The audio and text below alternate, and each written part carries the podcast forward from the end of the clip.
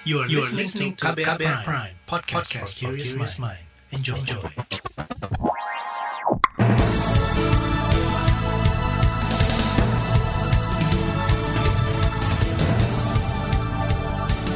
Selamat pagi saudara, senang sekali kami bisa menjumpai Anda kembali melalui program Buletin Pagi edisi Jumat 29 Januari 2021. Bersama saya Sindu Darmawan. Sejumlah informasi pilihan telah kami siapkan di antaranya pemerintah diminta mewaspadai virus Nipah. Presiden Jokowi optimistis angka stunting di Indonesia turun 14 persen di 2024. Gunung Merapi erupsi, 800 warga di tiga kabupaten mengungsi. Inilah Buletin Pagi selengkapnya. Terbaru di Buletin Pagi. Saudara masyarakat Indonesia diminta mewaspadai virus Nipah yang ditularkan kelelawar ke manusia. Virus ini menyebabkan kematian sekira 40 hingga 75 persen bagi orang yang terinfeksi. Penularan virus Nipah biasanya terjadi karena ada transmisi dari kelelawar ke manusia, bisa dalam bentuk kontak langsung seperti menyentuh.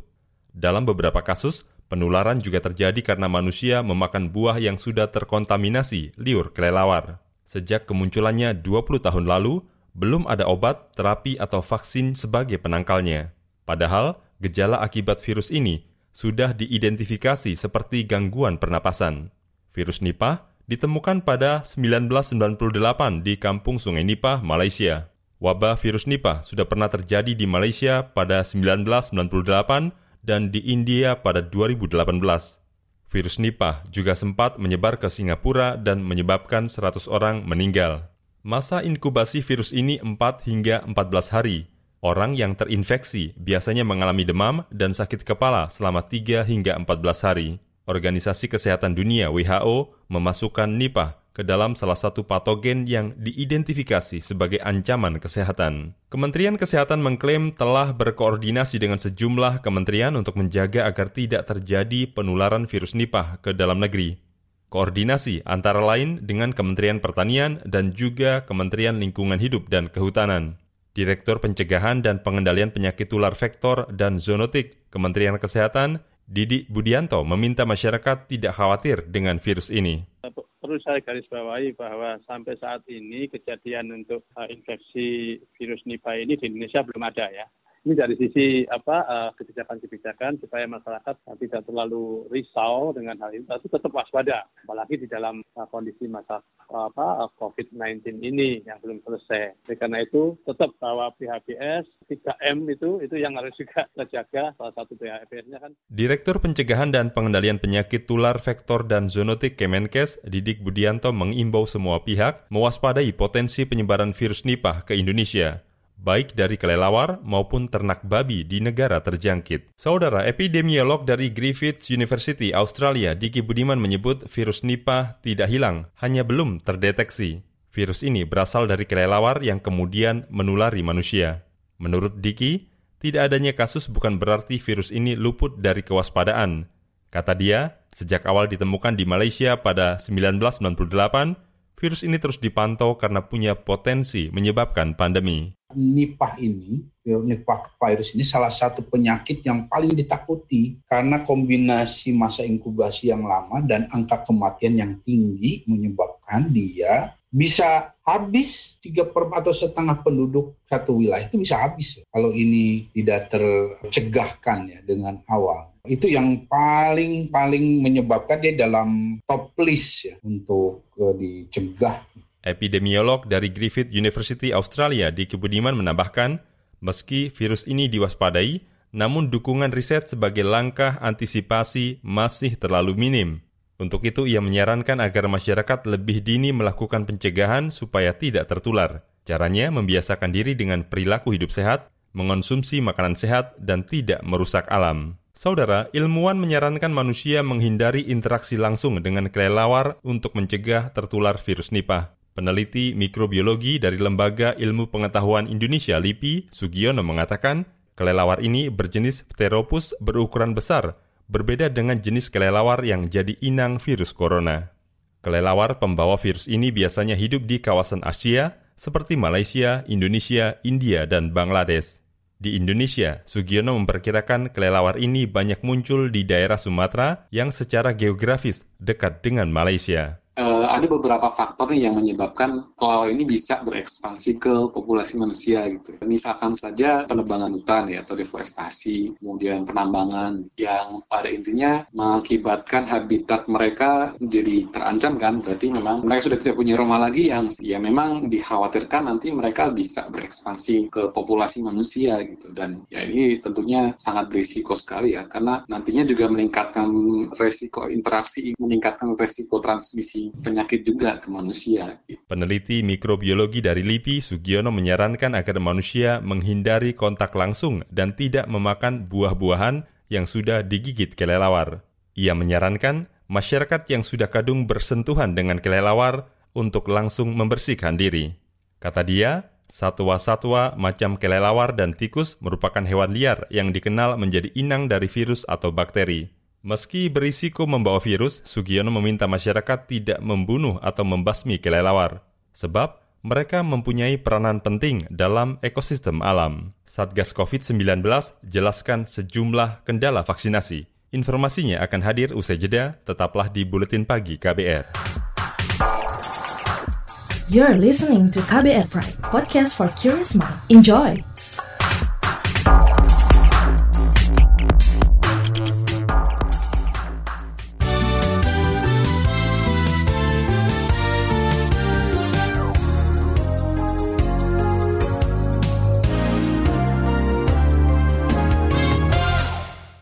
Saudara, Presiden Joko Widodo optimistis angka stunting di Indonesia bisa turun 14 persen pada 2024. Saat ini angka stunting di Indonesia mencapai 27 persen. Ia yakin dengan manajemen yang baik, hal tersebut bisa terlaksana. Jadi target 2024, 14 persen itu bukan target yang enteng. Tetapi kalau kita bekerja dengan serius, lapangannya terkuasai, bekerja sama, kolaborasi, saya kira penurunan angka stunting akan bisa kita lakukan.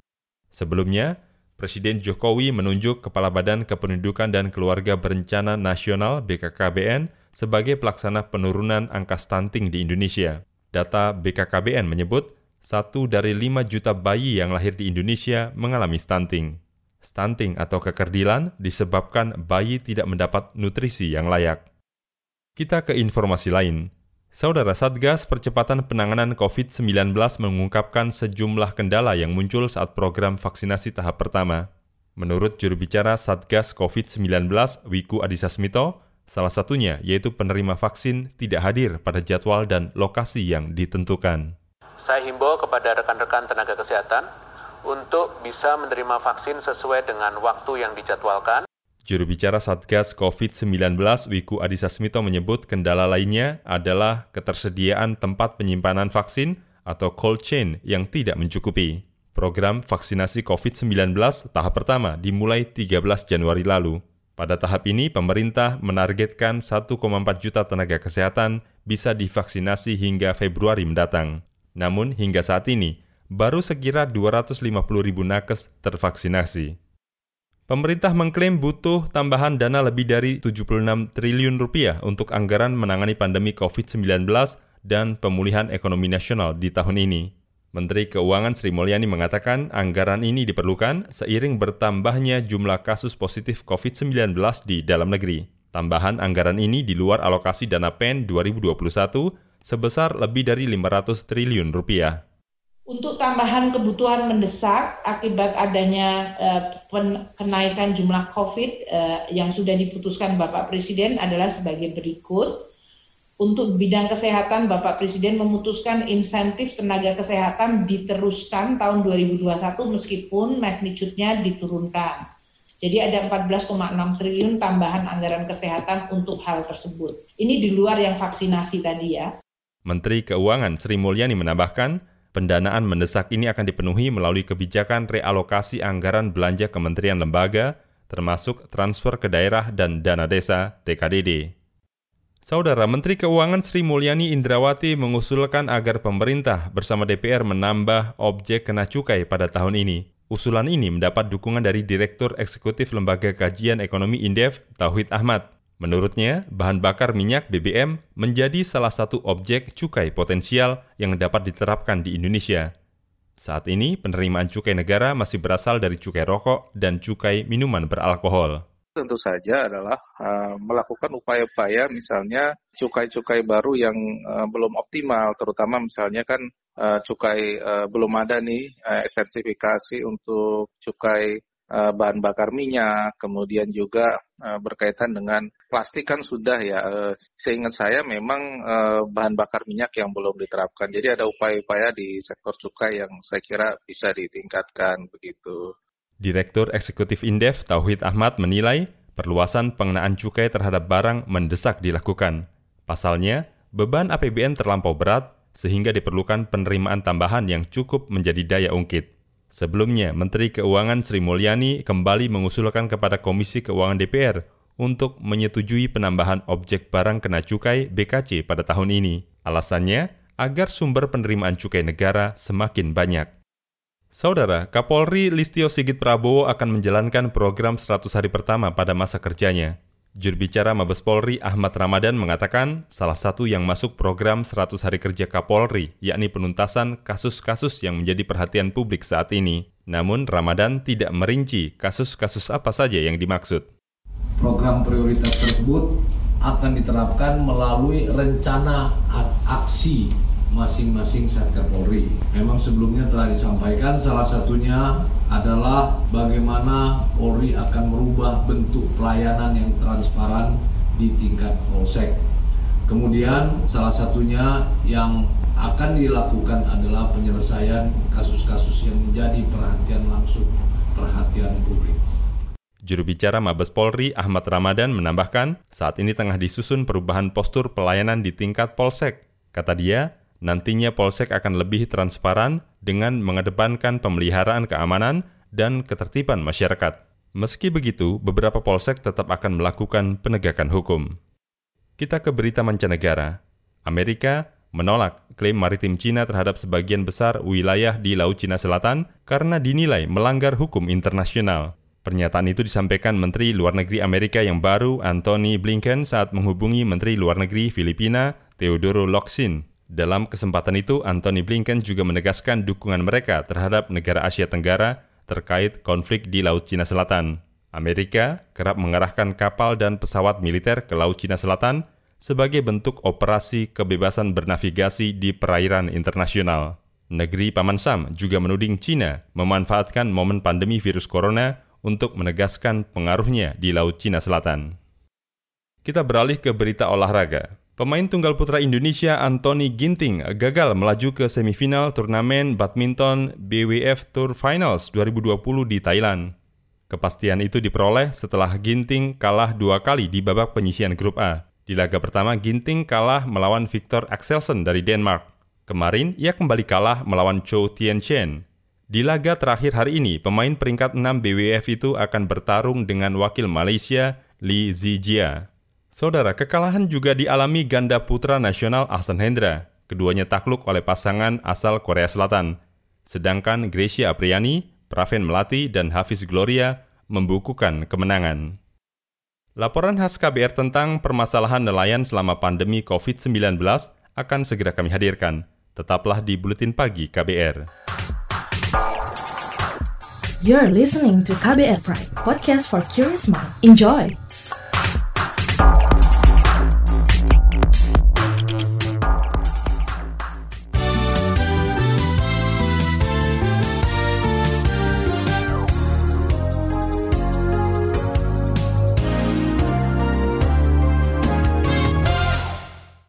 Saudara, pandemi COVID-19 terbukti berdampak pada seluruh sektor yang ada. Tak hanya kesehatan, sektor perekonomian juga diserang dari berbagai lini. Nelayan adalah salah satunya. Tak hanya perekonomian mereka terpukul, masalah-masalah lain juga masih harus dihadapi selama pandemi. Simak laporan yang disusun jurnalis KBR Siti Sadida Hafsyah. Pandemi COVID-19 memukul perekonomian masyarakat dan negara. Masyarakat Bahari, seperti nelayan asal Banda Aceh bernama Rizal, bercerita kelompoknya mengalami penurunan pendapatan karena pandemi. Nah, untuk untuk kasus COVID-19 ini yang telah terjadi di Indonesia, banyak nelayan kita yang sekarang ini mengurangi penangkapan ikan karena kondisi ya, dengan harga ikan juga nggak stabil. Itu masalah besar di Banda Aceh. Tuna di Aceh itu sangat murah, terlalu rendah saya pikirkan. Saya baca di informasi di Google di mana-mana, harga di daerah lain itu sekitar 80-an. Di Aceh itu cuma 37 ribu, nggak sampai 50 ribu kilo. Sedangkan untuk operasionalnya itu besar. Itu tadi nelayan asal Banda Aceh, Rizal. LSM Koalisi Rakyat untuk Keadilan Perikanan Kiara juga mengungkapkan ada masalah lain yang dialami nelayan selama pandemi. Sekretaris Jenderal LSM Kiara, Susan Herawati menyebut, meskipun di masa pandemi masih ada perampasan ruang yang terjadi di pesisir dan pulau-pulau kecil. Sekalipun COVID, penambangan pasir misalkan di Makassar itu masih terjadi. Kawan-kawan di Pulau Pari tidak ada yang peduli bagaimana mereka menghadapi COVID, kasusnya tetap berjalan. Kawan-kawan di Sangiang juga sama. Kawan-kawan di Sumatera Utara, mereka menghadapi lahirnya Permen 59 yang memperbolehkan cantrang melalui jalur penangkapan ikan. Jadi ini yang sebenarnya harus dibenahi oleh KKP, mengurai bagaimana KKP mau menjalankan kapal besarnya. Para nelayan kerap terjebak oleh peraturan daerah atau perda mengenai rencana zonasi wilayah pesisir dan pulau-pulau kecil atau RZWP 3K. Pertambangan hingga reklamasi dilegalkan melalui aturan ini.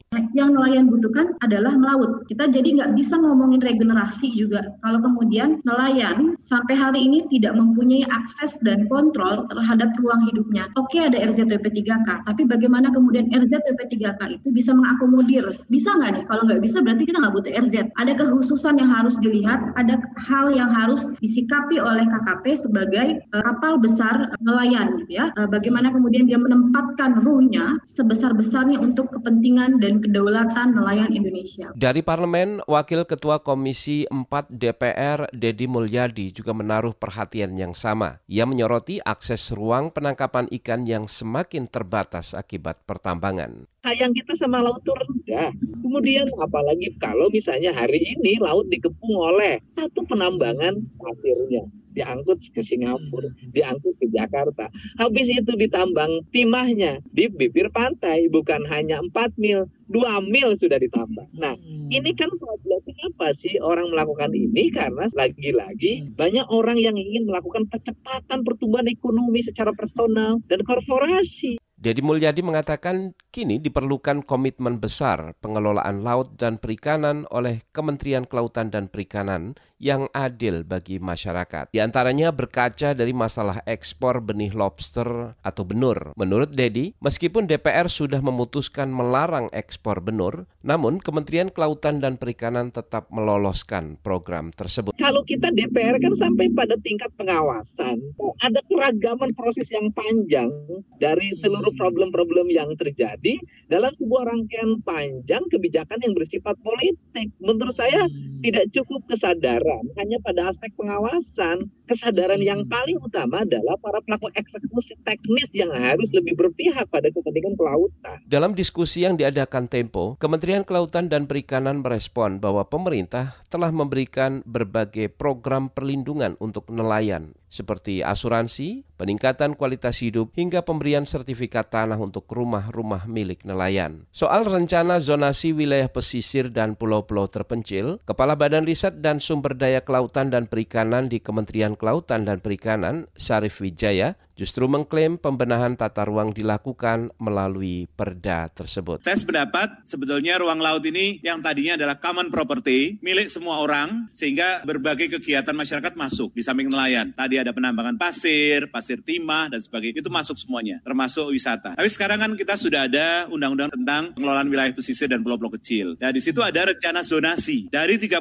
provinsi kita sudah punya 31 provinsi yang sudah punya rencana zonasi di mana wilayah pesisir itu ini adalah untuk kepentingan umum, kepentingan pelabuhan, ini kepentingan nelayan. Sudah mulai ditata begitu. Hanya hmm. memang saya sependapat perlu sosialisasi ke masyarakat. Nelayan-nelayan mungkin belum tahu bahwa ini adalah wilayahnya mereka. Para pelaku usaha mungkin belum tahu sehingga terjadi konflik sosial antara kepentingan satu dengan kepentingan yang lain. Laporan ini disusun Siti Sadida Hafsah. Saya Agus Lukman.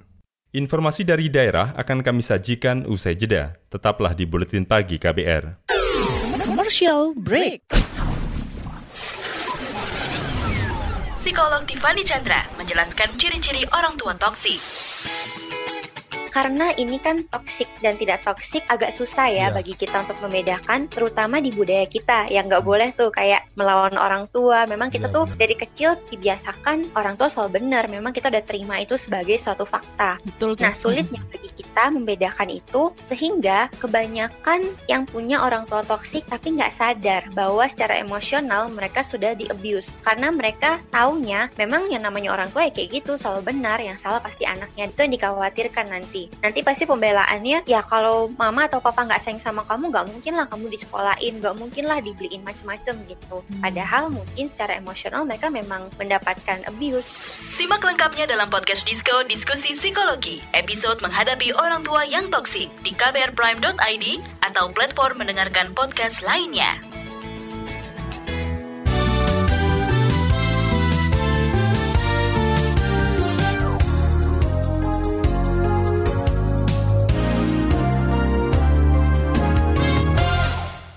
Inilah bagian akhir buletin pagi KBR. Saudara, ratusan orang mengungsi akibat erupsi Gunung Merapi. Pelaksana tugas Badan Penanggulangan Bencana Daerah BPBD Jawa Tengah, Safrudin, mengatakan ada lebih dari 800 orang mengungsi. Warga yang mengungsi berasal dari dalam kawasan rawan bencana KBR 2 berjarak 5 km dari puncak Merapi. Selain warga, ada lebih dari 100 hewan ternak dari Kabupaten Klaten yang telah dievakuasi pengungsi di Magelang sekarang hanya tinggal dari satu desa, desa Paten. Yang di Klaten dari desa Balerante ada 227 dan di Tegal Mulia 102. Dari Boyolali itu ada 288. Itu tadi pelaksana tugas Badan Penanggulangan Bencana Daerah BPBD Jawa Tengah, Safrudin. Sebelumnya, Badan Geologi Kementerian Energi Sumber Daya Mineral ESDM mencatat sejak 4 Januari 2021 Gunung Merapi memasuki fase erupsi yang bersifat efusif, yaitu erupsi dengan aktivitas berupa pertumbuhan kubah lava, disertai dengan guguran lava dan awan panas guguran. Masyarakat di sekitar Gunung Merapi dilarang beraktivitas di zona bahaya erupsi. Saudara, Satuan Tugas Penanggulangan Bencana Alam TNI Angkatan Laut mengirimkan tim medis dan logistik ke sejumlah posko pengungsian korban gempa bumi di Sulawesi Barat. Komandan Satgas Bencana Alam TNI AL Sulbar Y. Rudi Sulistianto mengatakan bantuan itu dikirim melalui jalur udara lantaran daerah pengungsian terisolasi. Kata dia, persediaan makanan pengungsi masih minim sehingga perlu dibantu pemerintah. Jadi hari ini spot mana yang ter, ter, belum terjangkau nanti dibagi-bagi tugas mas. Siapa yang ke spot ini, siapa yang spot ini dan seterusnya. Termasuk kami e, sampai dengan sekarang kita sudah mengerahkan lebih dari Eh, delapan sorti dengan menggunakan heli. Untuk heli kita prioritaskan yang pertama adalah eh, membawa tenaga medis untuk mendata dan mengobati ataupun ya, kalau ada yang perlu kita evakuasi kita bawa ke sini kita bawa kita rawat di kapal rumah sakit kita. Setelah, setelah itu kita membawa logistik yang diperlukan awal di kampung-kampung. Dan Satgas Bencana Alam TNI AL Sulbar Y. Rudi Sulistianto menambahkan, Pendistribusian logistik difokuskan di posko-posko pengungsian di pegunungan, yakni di Kecamatan Tapalang, Majene, Sulawesi Barat. Kata dia, kendala distribusi bantuan ke wilayah tersebut adalah cuaca ekstrim dan berkabut, sehingga menyulitkan pengiriman jalur udara. Informasi tadi menutup jumpa kita di Buletin Pagi hari ini. Pantau juga informasi terbaru melalui kabar baru, situs kbr.id, Twitter kami di akun @beritaKBR, serta podcast di alamat kbrprime.id. Akhirnya, saya Sindu Darmawan bersama kerabat kerja yang bertugas undur diri. Salam.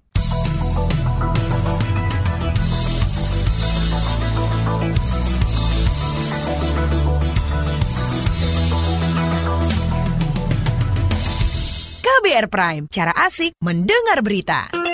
KBR Prime, podcast for curious mind.